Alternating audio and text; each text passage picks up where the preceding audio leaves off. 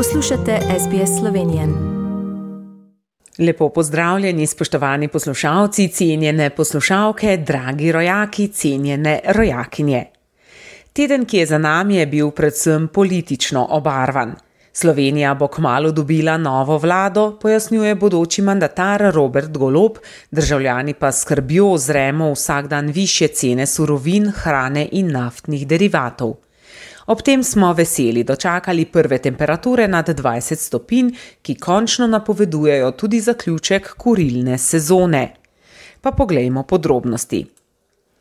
Teden, ki je za nami, smo začeli praznično. S 1. majem, praznikom dela, ki mu je v ponedeljek sledil še 2. maj, ki je dela prost dan le še v nekaterih republikah bivše Jugoslavije, smo stopili v domnevno najbolj pester mesec tega leta. Prvomajska praznovanja smo po dveh letih premora ponovno obudili in se po tradiciji družili ob kresovanjih, vaških veselicah, prvomajskih pohodih in čevapčičih oziroma golažu.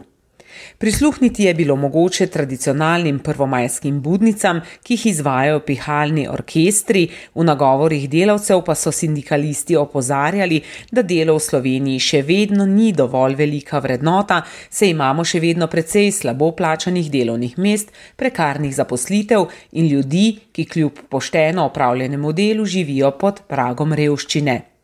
V upanju, da bo nova vlada znala postaviti nove standarde tudi na področju dela, smo torej pričeli pester, politično obarvan teden.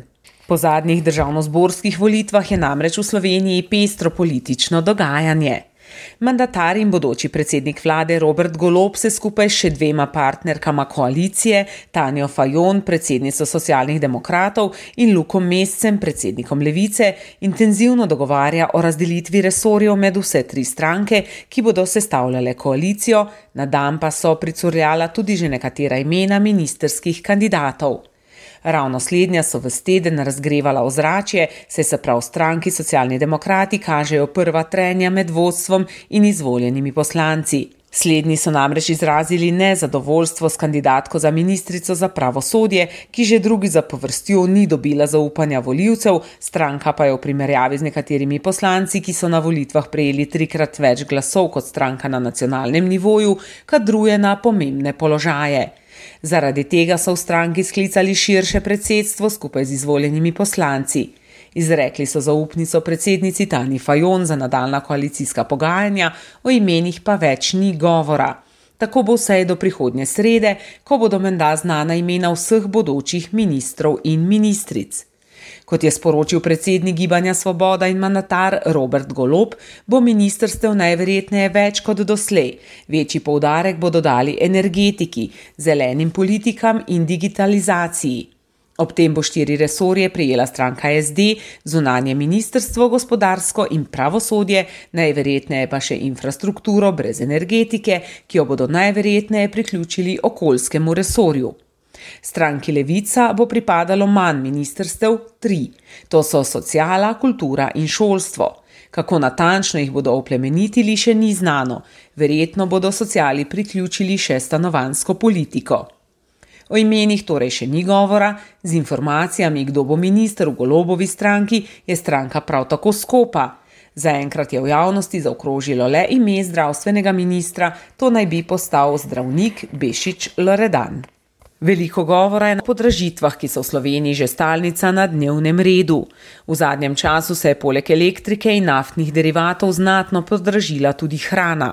Gre za največje podražitve v zadnjih 30 letih.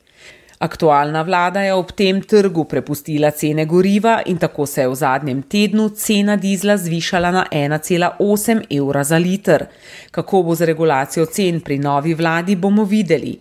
So pa na okopih že tudi kmetje, ki jim dražitev nafte ogroža celotno pridelavo. Kmetijska zbornica in sindikat kmetov zato že pozivata odgovorne, da ukinejo plačevanje trošarine za goriva za vse kmetijske pridelovalce. Sicer bo pridelek slab, hrana pa neznosno draga, še napovedujejo.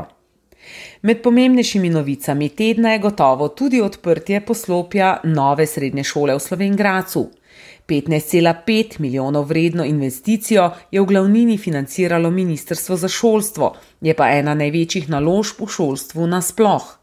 8000 km2 površin z novimi mizarskimi delavnicami, profesionalnimi kuhinjami, sobami za učenje zdravstvene nege in še kaj je dober obed za proizvajanje poklicev, ki jih v Sloveniji še kako potrebujemo. Danes v Sloveniji obeležujemo tudi obletnico smrti častnika Rudolfa Majstra Franja Malgaja, borca za severno mejo.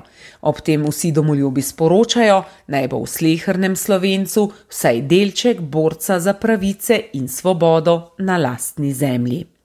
S to mislijo se od vas za danes tudi poslavljam.